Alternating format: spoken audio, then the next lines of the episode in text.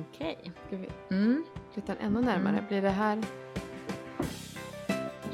Mm. Ja, precis. Och så kan man vända sig Ja. fram och så. Så här menar du? Ja, Fram och tillbaka? Ja, ja, jag är ett barn som pickar Ja, men bara. Eller något annat. Exakt. Jag bara, va? Anna verkar börja jag, alltså, på ungdomsmottagning. Ja, men det var min första så här. Jag bara, andning. Bara, Ja. Eh. Okej, då vi se. Välkomna till ett extrainsatt avsnitt av Mums Filiamma. En podd om amning med mig Rebecka.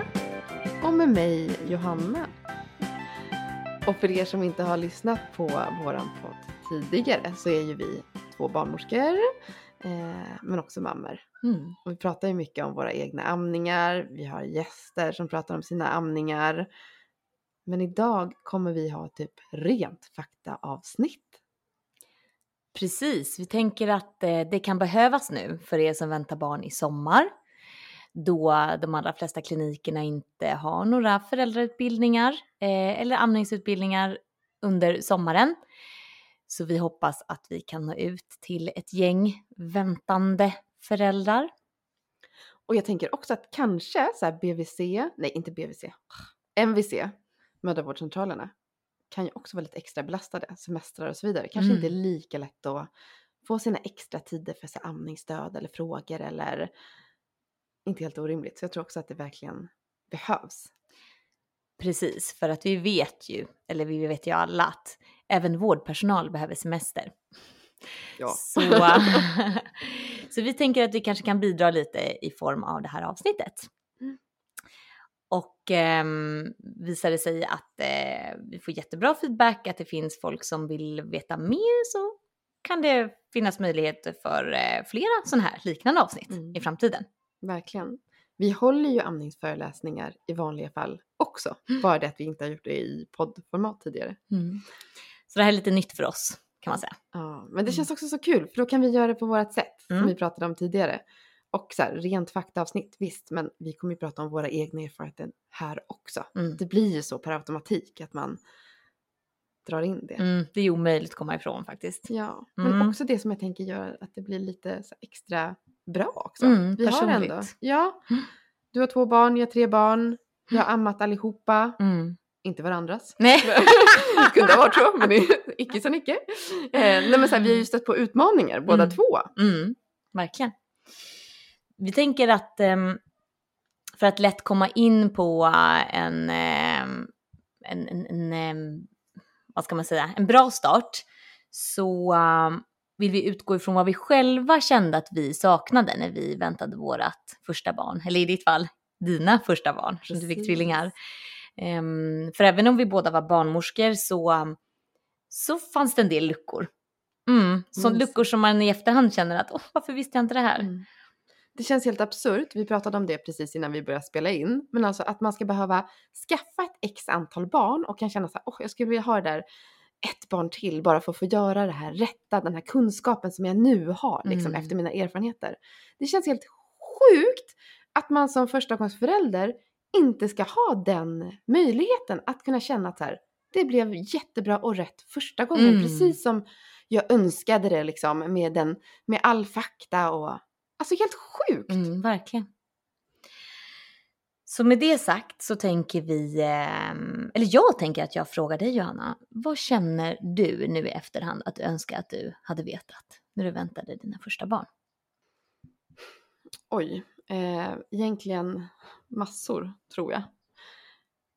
Jag tycker att jag hade ganska bra liksom, koll, jag var barnmorska, så jag tycker att så här, rent mjölkproduktionsmässigt hade jag bra koll. Jag hade väldigt tillit till min eh, kropp. Jag var helt övertygad om att jag skulle kunna amma mina båda barn.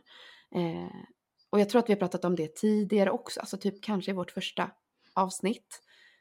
Mm. Att jag var så här, det får ta hur lång tid det vill. Det kommer troligtvis inte funka från början. Det kommer troligtvis vara massa strul.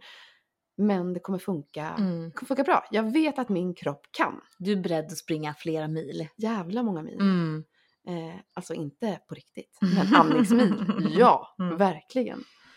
Eh, Så det, eh, det tänker jag att för eh, människor som inte har den tilliten till sin kropp, för det tror jag att den tilliten hade jag i och med att jag hade kunskap om mjölkproduktion. Jag visste att jag hade mjölk, även om jag aldrig såg någon mjölk när jag var gravid. Nej, gjorde inte det? Nej, Mm, aldrig. mm. Då så här, väntade jag ändå två barn. Mm. Så har du sett under dina... Ja, jag handstimulerade lite i slutet. Ja, Mm. på, Både på, första och andra. Mm. Ja. Ehm, och såg ju att det kom Mm. lite grann liksom. Då pratade jag lite grann dropp, droppformat så. Jag stimulerade inte mycket alls. Eller Men du fick ju dina barn ganska tidigt. Exakt, Mm. men man har alltid, alltid testat det lite i duschen. Men då eh, såg jag ingenting. Sen, sen tänkte jag nog ändå lite så att jag inte skulle hålla på för mycket och stimulera. Vilket, ah, det finns ju egentligen inga sådana studier. Man, man tror absolut inte att man kommer komma igång i förlossning för att man stimulerar brösten. Alltså, det här kommer vi prata länge om mer längre Mm. in i avsnittet. Men viktigt att veta att man har mjölkproduktion tidigt i graviditeten. Mm. Alltså typ vecka Från 16. vecka 16 tror jag. Ja. Ja. Eh, mycket, mycket tidigare än vad man behöver den Mm. bröstmjölken. Mm. Liksom, så vet vi vet idag i alla fall. Mm. Man har bröstmjölk. Man ser den inte alltid. Och man kan, de allra, allra, allra, allra flesta kan amma. Det är så Mm. extremt få gånger som man inte kan amma. Att det finns fysiologiska skäl till det. De allra flesta får ju problem med amningen av kanske helt andra skäl. Det kan ju vara att man inte mår bra psykiskt som påverkar. Eh, till exempel möjligheten för mjölken att komma ut eller bildas och så. För det är ju så, allt är ju ett hormonellt samspel.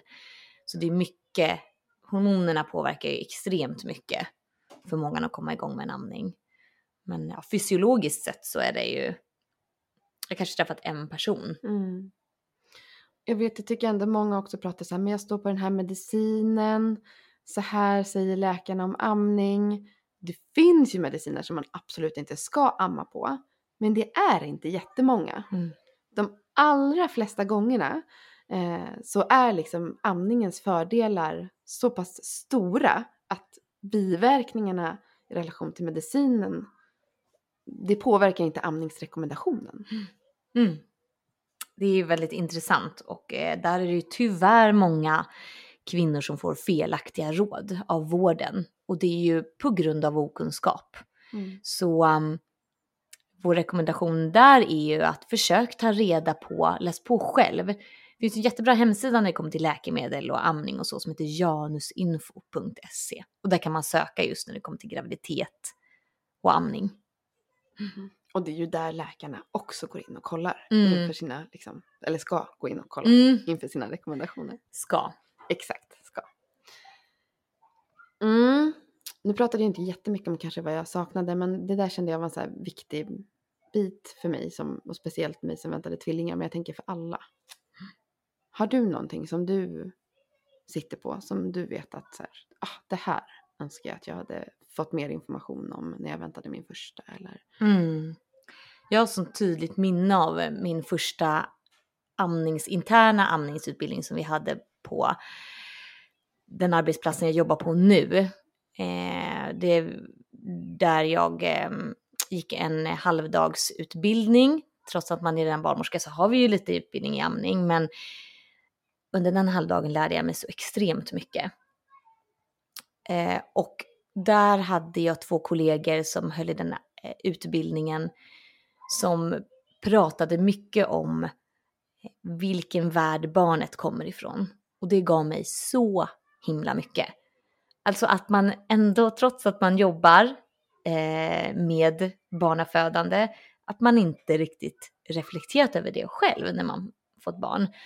Det här med vad barnet har för behov, barnet har samma behov som i magen egentligen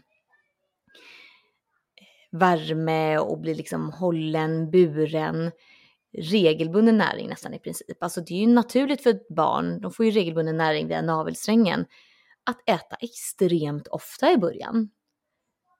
För att det är så, det, det är den världen de kommer ifrån. Så det är ganska, jag tycker det är ganska vettigt och vi pratar ju mycket om det på våra utbildningar också. Var kommer barnet ifrån? Och man pratar ju väldigt mycket om fjärde trimestern idag också. Det här äh, faktum att barn våra barn egentligen föds för tidigt för att de ska kunna komma ut eh, ur förlossningskanalen, passera med sitt jättestora huvud. Vi, de är så omogna. De kan ju ingenting när de föds, om man jämför med hästar som Mm. föds och går på en gång. Liksom. Och mm, de är så beroende av oss och det här naturliga att bära barnet, alltså bära barnet hela tiden. Om du tittar på aporna, liksom, vi kommer ju från aporna. Det är ju inga apor som springer runt med barnvagnar. Alltså det är sådana sjuka grejer vi har kommit på i vårt samhälle. Kan flika in där, lyssna gärna på vårt tidigare avsnitt med, med Maria Borda som berättar mycket om det här, vad alla de här sakerna, var det var härstammar ifrån från början. Att liksom, ja men som barnvagnen kommer från viktorianska tiden där vi hade en, en, en drottning som, som äcklades av tanken på barn. Ehm, och, Och amning. och amning, Mm. ja, som uppenbarligen säkert hade någon, eh, vad heter det? Egen trauma i det. Ja, men, eh, men att hon hade någon sån, am, vad heter det, amma? Ja. Ja, Mm, ja, ja, som det ammade barnen åt henne. Mm. Men eh, vi blir så himla påverkade av samhället vi lever i och det är så Mm. mycket reklam och det, man ska köpa det och man ska köpa det och, och man ska ha så mycket. Barn behöver ju ingenting.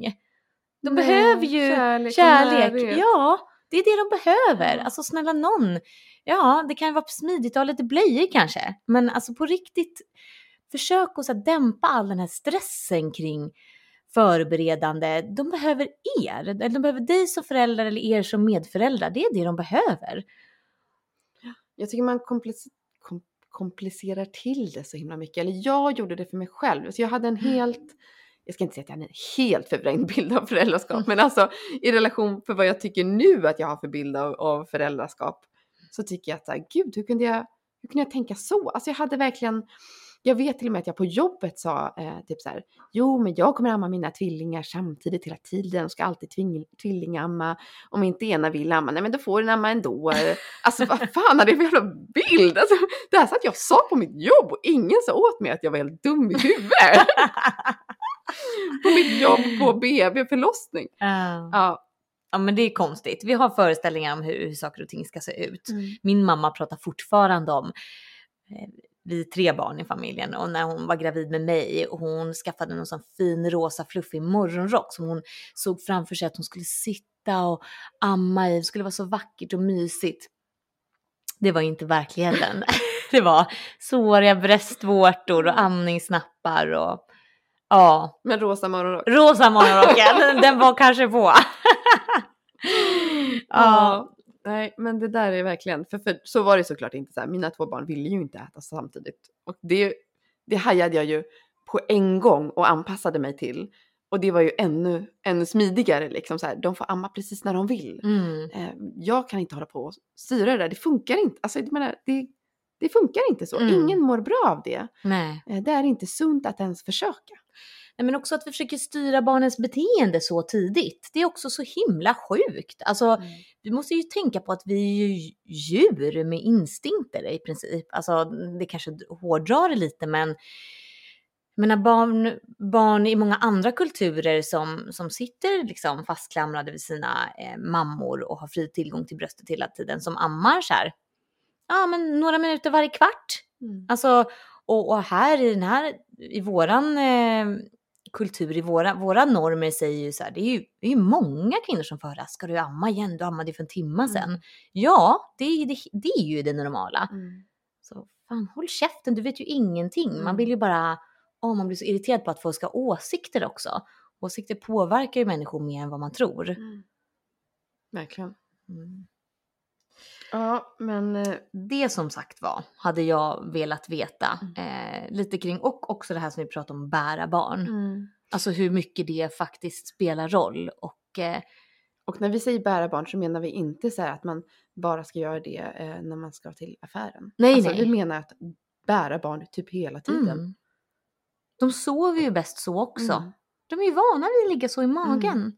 De blir ju jättelugnade av rörelsen. Det vet man ju Mm. så här att, att det är en, ehm, ett naturligt behov i oss. Vi behöver rörelse. Mm. Och vagnrörelsen, det är liksom inte en naturlig rörelse. Nej. De är ju noll vana med det från magen Mm. eller fosterlivet. Och jag förstår att man eh, alltså vagnen underlättar så jävla mycket, så många gånger, precis som många andra saker. Mm. Eh, men ett barn som inte vill ligga i vagn och som trivs jättebra i en sjal och dessutom om man väntar till sitt första barn. Mm. Skönt att slippa dra på vagnen. Absolut. Och jag eh, vill slänga in där också en liten eh, hänvisning till tidigare avsnitt med eh, Josefin som har kontot Bebisen och vi. Hon pratar ju mycket om bära också. Och hon hänvisade ju till någon studie där som var ju så spännande. Kommer du ihåg när hon pratade om det här de hade fått, de hade tittat på hur barn hade blivit nöjda? Olika typer av, de, något barn som inte hade plockats upp, något som hade plockats upp och man hade varit stilla och så någon som hade liksom gått. Mm, Och den, den bästa, de barn som hade varit mest nöjda var liksom en ganska aggressiv gång, eller aggressiv, men en ganska ordentlig, ja men Mm. säg en powerwalk. Mm, För det är ju det de här barnen är vana vid från, från fosterstadiet. Mm. Eh, Aggressiv powerwalk. det var lätt så roligt.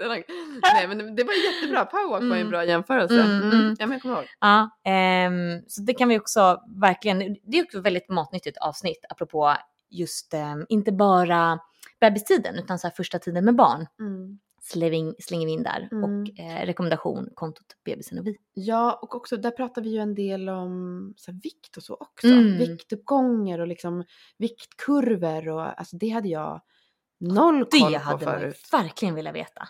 Ja, Åh. man skulle vilja vara distrikt eller BVC, alltså barnsjuksköterska på eller man ska distrikt. vubba, vubba sig. Ja, det Köra en till vubb. Ja. Och Bara, ingen, ingen kan säga någonting för jag vet allt snart. Det hade Precis, så varit skulle det ju skönt. vara. ja. Ja. Mm. Ja.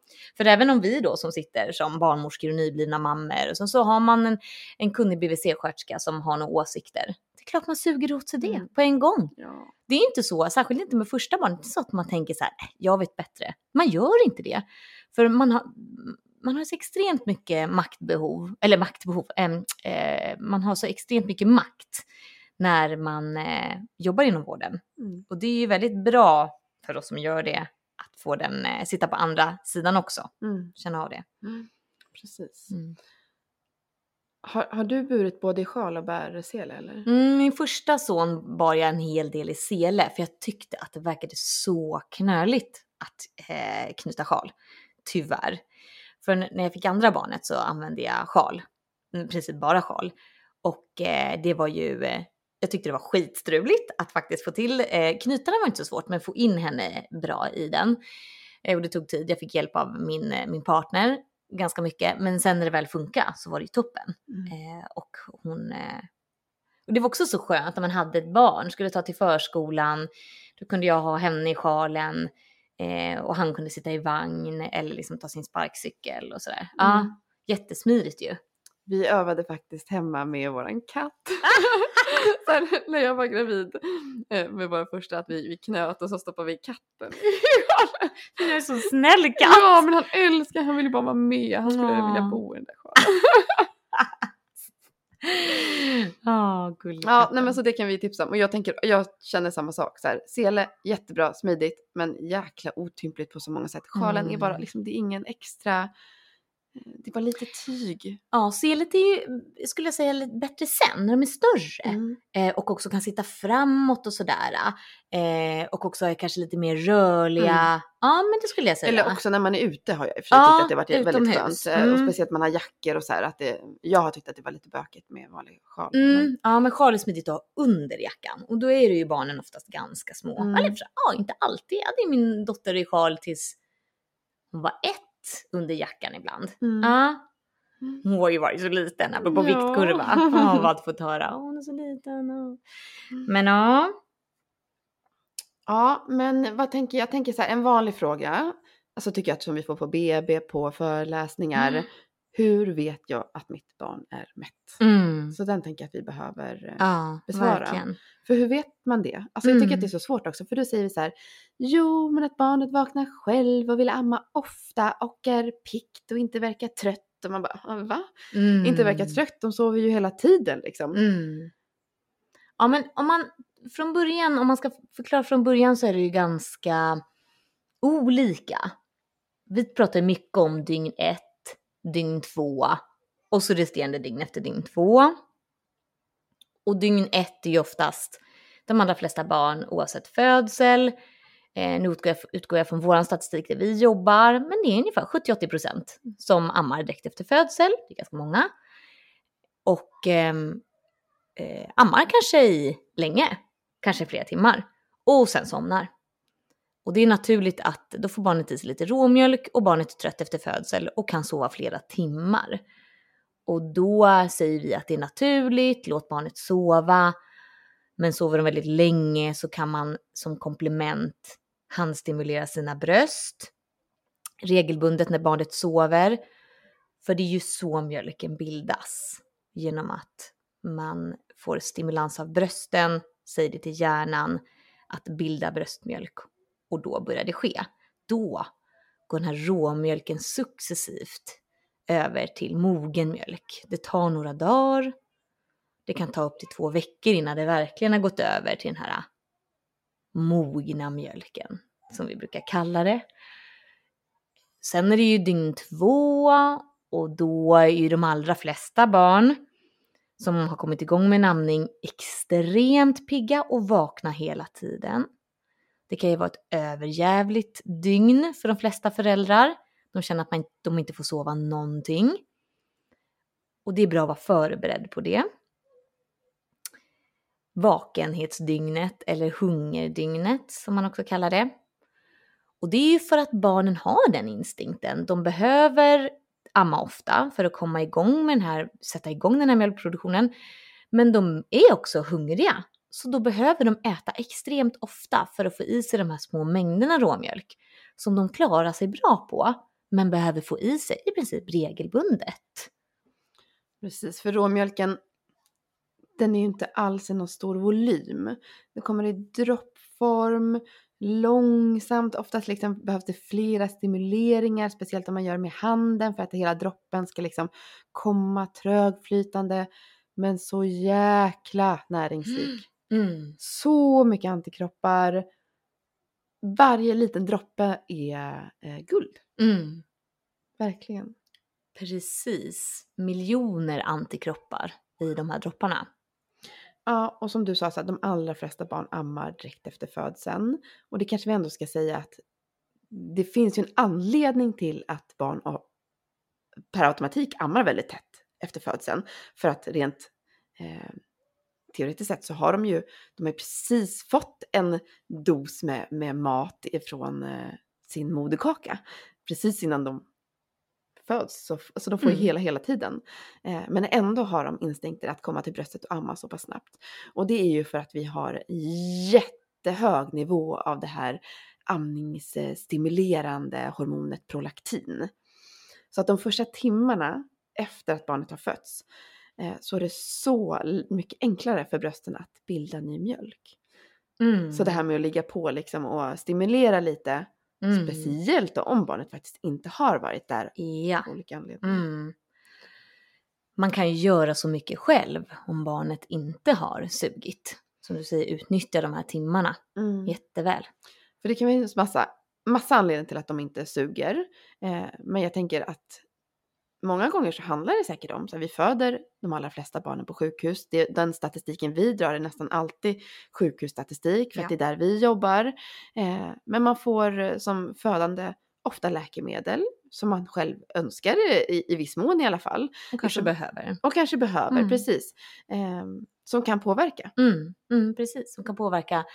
Jag menar morfin gör ju en vuxen person trött och det påverkar ju barnet också. Kan bli trött i efterhand och eh, Även andra typer av läkemedel kan påverka barnets förmåga att ta sig till bröstet själv och så. Mm. Och det kommer vi säkert prata mer om i något annat avsnitt tänker jag mm. också faktiskt. Eh, men precis, pikt barn. Pikt barn tänker vi barn som vaknar själva och vill amma generellt sett. Och då menar vi liksom oftast att de vaknar ganska tätt och vill amma. Vi är aldrig oroliga generellt sett för ett barn som ammar jätte, jätte, jätte ofta. Mm. Eh, om det är nöjt för övrigt. Ett barn som vaknar själv, ammar, släpper, somnar, är nöjt. Mm. Där kan man ju säga att det barnet får i sig tillräckligt. Mm, absolut. Så är det ju. behöver vi aldrig oroa oss för. Precis, det är ju först sen kanske lite senare när mjölken blir lite större volymer, kanske dygn tre där någonstans. Då man börjar se andra saker som vi kan säga att, ja men nu vet vi säkert att barnet får i sig att bajset ändrar färg, att barnet kissar mera. Mm. Mm. Precis, för det är, ju, kan, det är ju jättesvårt att analysera om de två första dagarna. Typ. Det är inte ens säkert att de har kissat fast de har ammat flera gånger. Mm. Eh, nej men precis, bra sagt det där med att ändra färg för det är ändå så himla bra när man ser att det, det här gula bajset kommer. Bara, Åh gud, gött.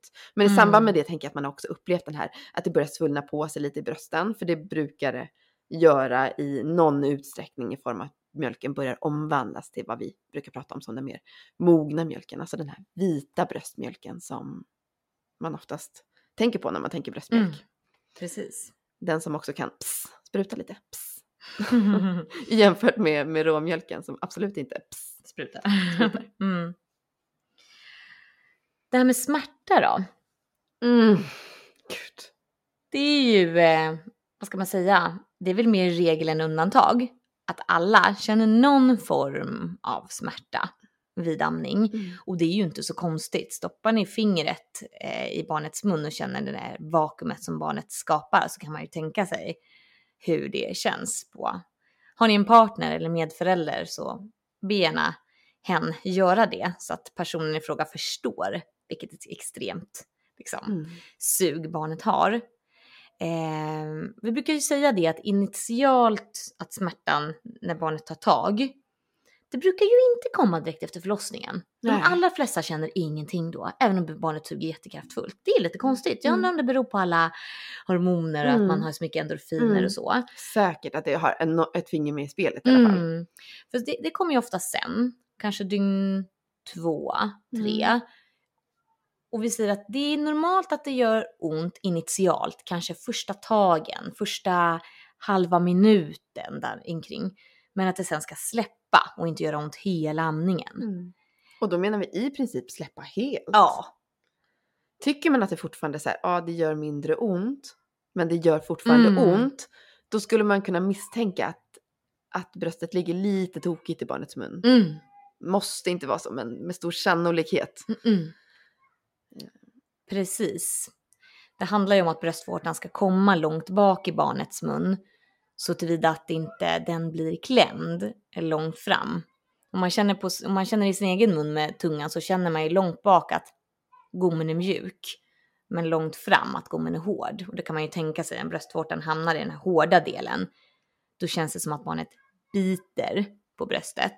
Det gör det ju inte, för barnet biter ju inte, men eh, det hamnar liksom fel. Och det kan också påverka urmjölkningen av bröstet. Om barnet inte mjölkar bröstet ordentligt så tar det längre tid för mjölken att rinna till också. Mm. Och det kan man ju kolla ganska lätt skulle jag ändå säga. På så här, ja men hur har det legat i munnen då? Hur fan ska jag veta? Jag har inte röntgensyn. Så, nej det har du verkligen inte. Men fortsätter det att göra ont, tänker jag att avbryt amningen. Mm. Det är ingen idé att hålla på och amma på en smärtsam bröstvårta. Eh, och så kollar du hur bröstvårtan ser ut. För vi ser ju alla lite olika ut, men, men din bröstvårta ska typ se ut som vanligt. Den kan vara lite mer utdragen. Men den ska absolut inte vara tillplattad eller spetsig. Eller, jag tycker många gånger när man kanske, när det ligger liksom och skaver lite på ena sidan av bröstvårtan, att det kan se ut lite som ett läppstift. Ja, precis. Lite så här halv, halvsned. Ja, Skidbacke-likt. skidbacke. Mm. Eh, och det betyder att eh, den ligger tokigt i bröstet. Nej, I barnets. i barnets mun, inte i bröstet. Mm. Ehm, och då får man liksom vara lite så här, ha, men okej, om den är formad så här nu, hur ligger mitt barn? Jo, men det kanske behöver komma längre ner eller högre upp eller närmare. Ja. Och det här, om ni föder på sjukhus, föder du hemma så kommer du ju ha en, en barnmorska där också att konsultera med. Men här, prata med någon som kan. Mm. Ring på klockan på BB, ring in till BB ifall ni är hemma.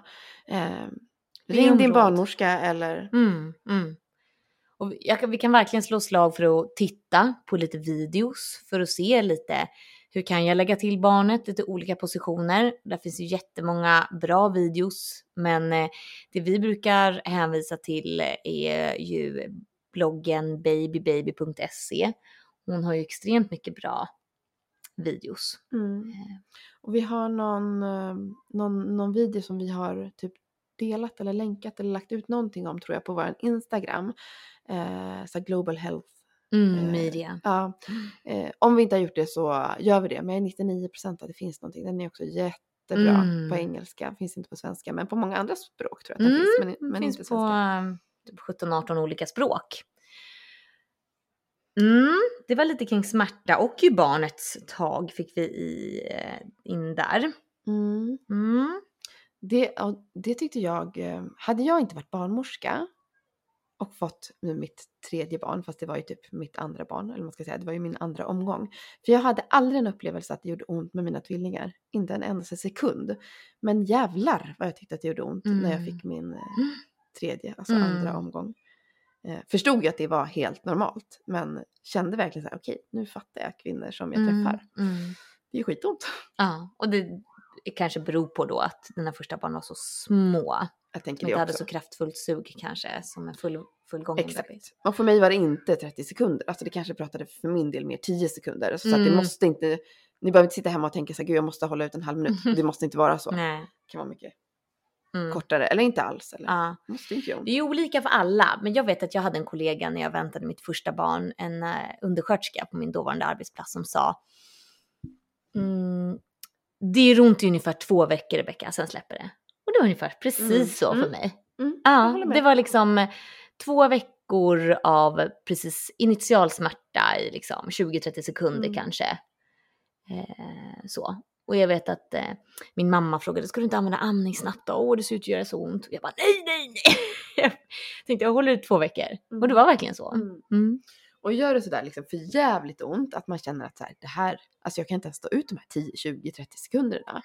Eh, då kan man till exempel innan man lägger till barnet kan man handstimulera bröstet, alltså typ handmjölka. Jag gör massa citationstecken här hela tiden. Mm. Men det kan man bara youtuba liksom. Hur, eller gå in på Baby Baby till exempel. Det finns massa andra ställen att kolla på. Hur gör jag, hur gör jag det? Eh, kan man göra i några minuter innan man lägger till barnet. Det kan minska smärtan. Man kan bara allmänt massera tänker jag på bröstet också. Mm. Verkligen. Mm, men du frågade ju mig förut så här, vad jag hade velat att jag eh, visste mer om och det kändes så himla fel att, att börja med det. Men nu tänker jag, Mm. 30 minuter in i avsnittet, då kan jag köra den. Jag har ju, alltså jag har läckt så himla mycket med alla mina barn, bröstmjölk alltså. Det är inte jättemånga som gör det, jag vet inte procentuellt men det är ju typ bara, alltså, jag tror typ mindre än 10 procent. Inte, inte så länge som du Nej. har läckt. Jag läckte typ kanske första månaden. Sen Ja, ja men precis. och det Mm. tänker jag att de flesta lä- läcker väl ändå typ I 6-8 starten. veckor kanske Ja. eller något sånt där. Eh, men jag har ju läckt alltså bara till, jag kan fortfarande läcka lite grann. Mm. Och alltså mitt barn fyller två i september. Mm. Eh, men nu, jag säger att jag inte läcker längre, men alltså ett och ett halvt år, då läckte jag fortfarande. Eh, och så länge ammade jag inte mina tvillingar. Nej, men det jag tänkte säga, jag, eh, och extra mycket eh, läckte jag när jag ammade mina första barn. Har säkert flera anledningar också. Så här, jag, jag ammade dem samtidigt många gånger och det vet man ju också faktiskt att två bröst som stimuleras samtidigt ökar ju eh, varandras stimulering av bröstmjölk eller vad man ska säga. Mm. Så typ pumpar man av någon anledning, pumpa inte bara ett bröst då, alltså Mm. pumpa Dubbelpumpa. båda. Ja, Mm. ger mycket bättre effekt. Det är som Mm. att ta, tänker jag så här, två Alvedon, en Ipren. Mm. Bättre smärtlindring än eh, vardera, att, ja, whatever, Mm. eh, var för sig, så Mm. skulle jag säga. Man kan ju, man kan blockamma. Det har jag lärt mig till mitt tredje barn nu. Även om jag fortfarande har läckt så har jag läckt mycket mindre. Och vad är blockamma då? Jag tror att det kallas för blockamning i alla fall. Det heter kanske något ännu finare namn. Men alltså att man kan amma ett bröst flera amningar i rad. Eh, och sen byta bröst och amma det flera amningar i Och då rad. slutar man läcka då liksom? Jag man tänker inte att man mindre? måste, ja, alltså det har Mm. varit min egen upplevelse och eh, det är liksom teorin bakom den här blockamningen. Mm. Att, eh, att man gör det. Mm. Spännande. Mm. Sen så tänker jag att det är säkert inte alla som upplever det, men för mig har det varit stor skillnad, men också svårt kanske att jämföra för att först ammade jag två barn och nu har jag ammat ett barn. Mm. Man kan inte prova. Mm. Ja, du nämnde också att det fanns lite eh, inlägg. Eh, Ja, men precis. Vi, eh, vi har inte haft henne som gäst, men Elins amningsstöd följer vi på Instagram. Mm. Alltså hon lägger ut så mycket bra Mm. grejer. Mm. Eh, och jag vet att hon har haft någon bra post om just Mm. det här med blockamning. Hon har massa bra posters, så gå in där också. Ja, vi har många rekommendationer som ni märker, så det finns otroligt mycket matnyttig information där ute som man eh, bara kan suga åt sig. Jag vill också lägga in det här som vi ju också tar upp på våra utbildningar. Det är ju väldigt mycket fokus, om ni sitter där hemma gravida just nu så är det ju största fokuset på när barnet ska komma ut. Oavsett om ni har planerade kejsarsnitt eller om ni ska föda vaginalt eller så. Så förstår man ju att det får stort fokus på det, för det är en sån häftig stund att få sitt barn, eh, så att, att liksom, träff, första mötet med barnet och allt. Men, och det är ju en förhållandevis kort period, även om man har en förlossning som kanske pågår flera dygn, om det är så en igångsättning eller sådär, så är det ändå, två, tre dygn är ju ingenting kanske mot den tiden du kommer ha efteråt. Även om du inte ska amma så är ju tiden efteråt extremt lång. Så det är mycket annat som man behöver förbereda sig på, kroppens förändring och allting som händer. Men eftersom vi är en amningspodd så är det mycket fokus på amningen och då, då vill vi slå ett slag för läs på och lyssna och sug i dig allt du kan kring det här med amning för du kommer vara glad för det sen. Det är så otroligt många, jag skulle säga att det är mer regel än undantag, att man hör nyblivna föräldrar som säger åh jag önskar att jag hade läst på mer, jag önskar att jag hade läst på mer, jag önskar att jag hade liksom läst mer om amning och kanske komplikationer man kan få så man har lite koll på vad, vad kan hända och vad så. Det tänker jag inte vi ska gå in på nu, amningskomplikationer, för det är ju så, det är rätt så ovanligt. Men det kan vara bra att veta att det finns. Mm. Eh, bra att veta, mycket bra att veta, för det är ju en hel vetenskap, amningen faktiskt. Verkligen. Alltså du har ju världens eh, tjockaste bok om amning. Jag har inte, jag har inte den hemma. Men det är Amningsbibeln. Amningsbibel, precis. Um, jag tänker också att ni sitter där gravida. Ta på era bröst. Nej men mm. alltså på mm. riktigt. Mm. Jag tycker att det är så många som känns så ja, men obekväma med sina egna kroppar. Allmänt i födandet också, men jag tänker vid amningen också. Ibland ställer det till det. Och man mm. vet ju att man kan eh, stimulera brösten. Alltså studier är gjorda från vecka 36 plus 0 som helt tummar upp för att eh, stimulera brösten. Ja, och det kommer ju ge er en tillit till att det finns råmjölk i era bröst. För handstimulerar ni brösten i slutet på graviditeten, även om ni bara ser någon enstaka droppe så ser ni att det finns ju där. Och även om ni inte ser att det kommer någonting så vet ju vi att det kommer troligtvis påskynda eh, den här eh, liksom, övergången till mogen mjölk om ni har handstimulerat redan innan barnet mm. kommer ut. Och man vill ju att den här mogna mjölken ska omvandlas egentligen så snart som möjligt. Mm. För att barn går ner i vikt efter att de föds. Det, det är liksom helt, helt naturligt att de gör det. Eh, men de vänder inte upp i vikt förrän mjölken omvandlas mm. till den här mogna mjölken. Så även om råmjölken är hur liksom näringsrik som helst så behöver de amma upp den här råmjölken som bara kan ta slut efter att barnet är fött, moderkakan har lossnat från livmoderns vägg. Så att det är helt omöjligt för råmjölken att ta slut under mm. graviditeten. Alltså det går inte. Eh, jag tror att vi har laget, dragit den eh, parallellen mm. tidigare, men vi har en kollega som under hennes första graviditet, hon stimulerar ut 500 milliliter. milliliter en halv jävla liter bröstmjölk som hon hade i frysen. För du vet så här, bröstmjölk kan ju ligga i frysen i mm. sex månader. Ja, häftigt alltså. Mm. Och det kan vi också rekommendera. Det kan ju vara så till slutet att man åker på en graviditetsdiabetes till exempel. Och har man då lite infryst bröstmjölk, ta med det då mm. när ni åker in till förlossningen. Precis. Mm. Och det här med att stimulera brösten från vecka 36, det är ju så studier är gjorda. Men man avråder ju generellt sett inte från amning under en graviditet. Nej. Nej, i natt hade jag en eh, första gångs föderska som hade stimulerat brösten under hela graviditeten. Hon mm. hade också frysen full med, mm. med råmjölk. Och det ökar ju också råmjölken. Mm. Alltså liksom efter att barnet är fött så har du mer råmjölk. Alltså det är så himla coolt det här. Mm. Det är mm. verkligen coolt.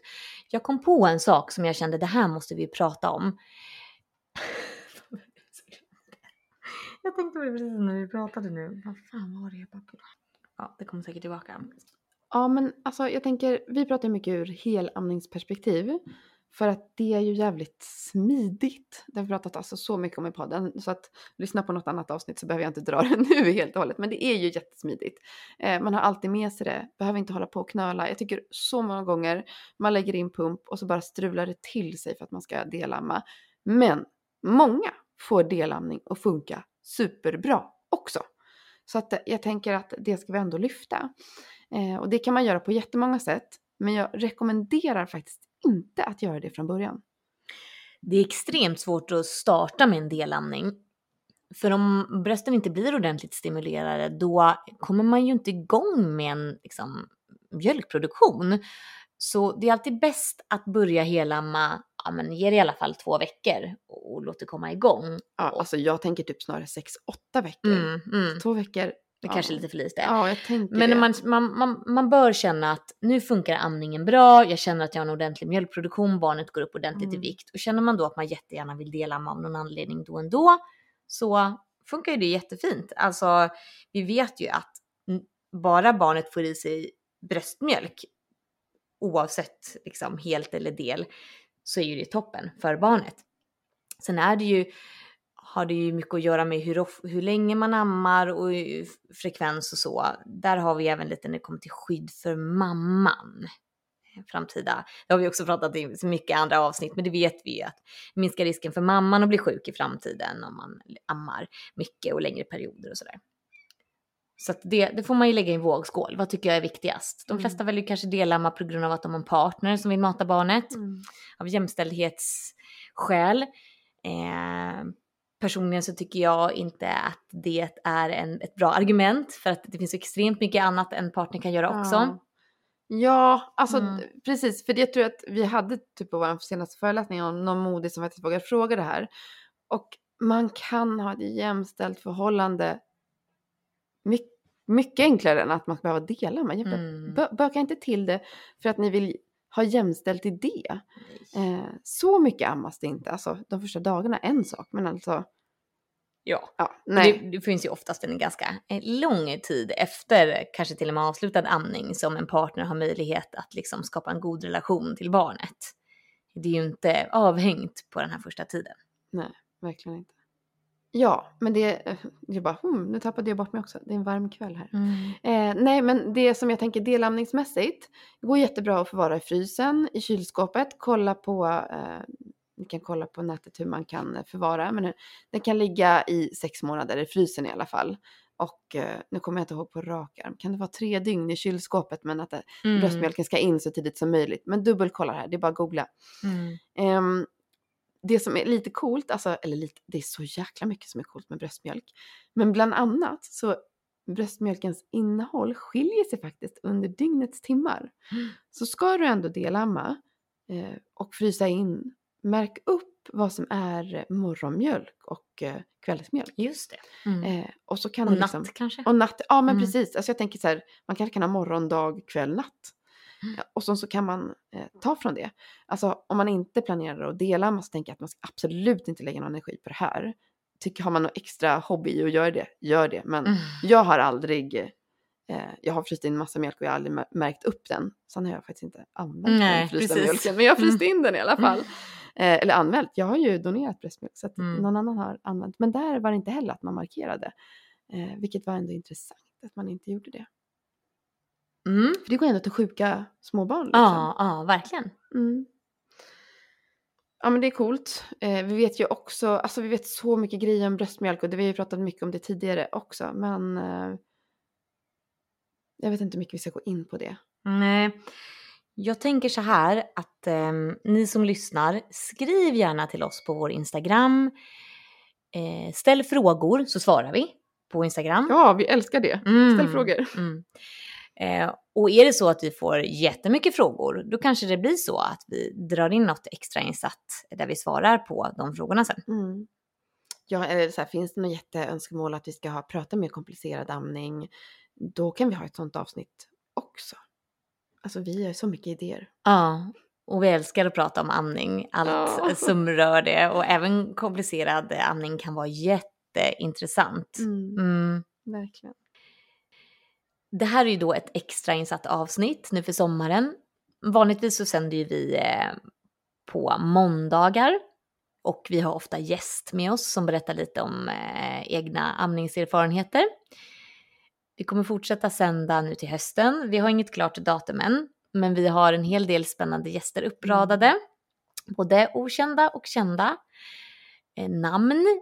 Så häng gärna på vår Instagram så ni vet när vi börjar sända igen. Mm. Och vi heter ju då alltså Mums Filly Amma. Inte något med Mums Filly Mamma eller något sånt där, utan det är Mums Filly Amma. Mm. För amning är inte bara för mammor, det är för partners, det är för Mm. anhöriga, familjemedlemmar, alla är i närheten. För det vet vi så väl, det finns massvis med evidens för det, att stöd till den som ammar, oavsett var stödet kommer ifrån, det kan vara från samhället, det kan vara från anhöriga, närmaste familjemedlem, är så otroligt viktigt. Stöd från en partner till exempel har man gjort studier på visar att de som har gott stöd från en partner ammar längre och har oftast mindre komplikationer kring amningen. Mm. Mm. Så här innan vi slutar då, som vi brukar fråga våra gäster. Vill du skicka med våra lyssnare någonting idag? Mm. Speciellt? Förutom allt som vi har sagt. alltså. Exakt. ja, men jag vill skicka med att det här som vi brukar prata om, tro på er själva. Tro på att ni blir experter på era barn. För det kommer ni bli. Och självklart till en viss mån att man ska ta in information och lyssna på andra. Men lyssna inte så mycket på andra, vill jag ändå säga. Alltså jag menar, om ni känner att ert barn mår bra, liksom går upp i vikt eh, och, och liksom, lyssna inte på gamla, äldre människor. Och det är också så här, äldre generationer de har helt, helt andra tankar kring vad amning är. Nu måste vi tänka på att våra föräldrar och kanske ännu äldre, de, de fick ju inte ens amma sina barn. De kanske är eh, ni eller, eller ni kanske har syskon som är födda på den tiden man fortfarande hade barnsal. Man kom in liksom med barnen var fjärde timme. Alltså det är sådana konstiga beteenden vi har sysslat med inom vården som vi ju idag pratar om att det är, det är helt, ja, helt absurda eh, beteenden. Och det är ju, de är ju uppvuxna på det sättet och det är mycket så här äh, skrönor, man ska göra si och man ska göra så. Som sagt, lyssna inte, lyssna på ert barn. Och, och bär barnet. Jag vill slänga in den, bär barnet. Ja, precis. Men jag tänker också lite liknande. Så amning är ett sätt att vara med barnet. Typ försök gå ifrån lite så här, amning är mat, amning är mat. Men alltså, bara amma. Bara vara med ert barn. Amma när barnet vill. Amma, amma på barnets signaler. Och är det svårtolkat, vilket det till viss del är, och alla barn är så olika, eh, men man kan alltid erbjuda bröstet. Mm, Om och om, om igen. Så, här, Nej, Mm. det var inte det. Bra att du Mm. erbjöd. Erbjud Mm. igen. Eh, precis. Mm. Så att bröstet är alltså bästa trösten. Alltså. Mm. Bästa trösten. Ja, och nu kom jag på det här som jag glömde. Och det kan jag också slänga in i slutet här. Tänk på i början att det finns många sätt för barnet att få i sig din bröstmjölk. Det behöver inte vara så. Om barnet har en lång startsträcka, behöver lång amningsträning, en del barn behöver flera dagar för att förstå sig på hur de ska amma ordentligt. Tänk på att den mjölken som finns i dina bröst, den kan komma ut på andra sätt. Man kan skedmata bebisen första dygnen, man kan pressa ut och ge på kopp. Det går att få i barnet din bröstmjölk på annat sätt. Så känn ingen stress om barnet inte grabbar tag på en gång. Mm. Så bra. Det där brukar jag alltid skicka med föräldrar hem på BB. Mm. Fan vad kul det här är. Mm. Vi hoppas att ni har eh, lärt er någonting. Mm. Ni kan ju alltid bara spela upp det här när som helst när ni sitter där hemma. Eller fundera på det nu under graviditeten. Och Yes. Så kan ni ju skicka och fråga oss. Det är ju inte rådgivning liksom. Då får man ju kanske vända sig till sjukvård. Men ni får gärna skicka iväg så allmänna frågor eller jag funderar kring det här. Eller, Mm. mm. Mm. Så ses vi förhoppningsvis i höst igen. Ja. Och lycka till med allt vad sommaren har att erbjuda nu. Mm. Mm. Ha det fint.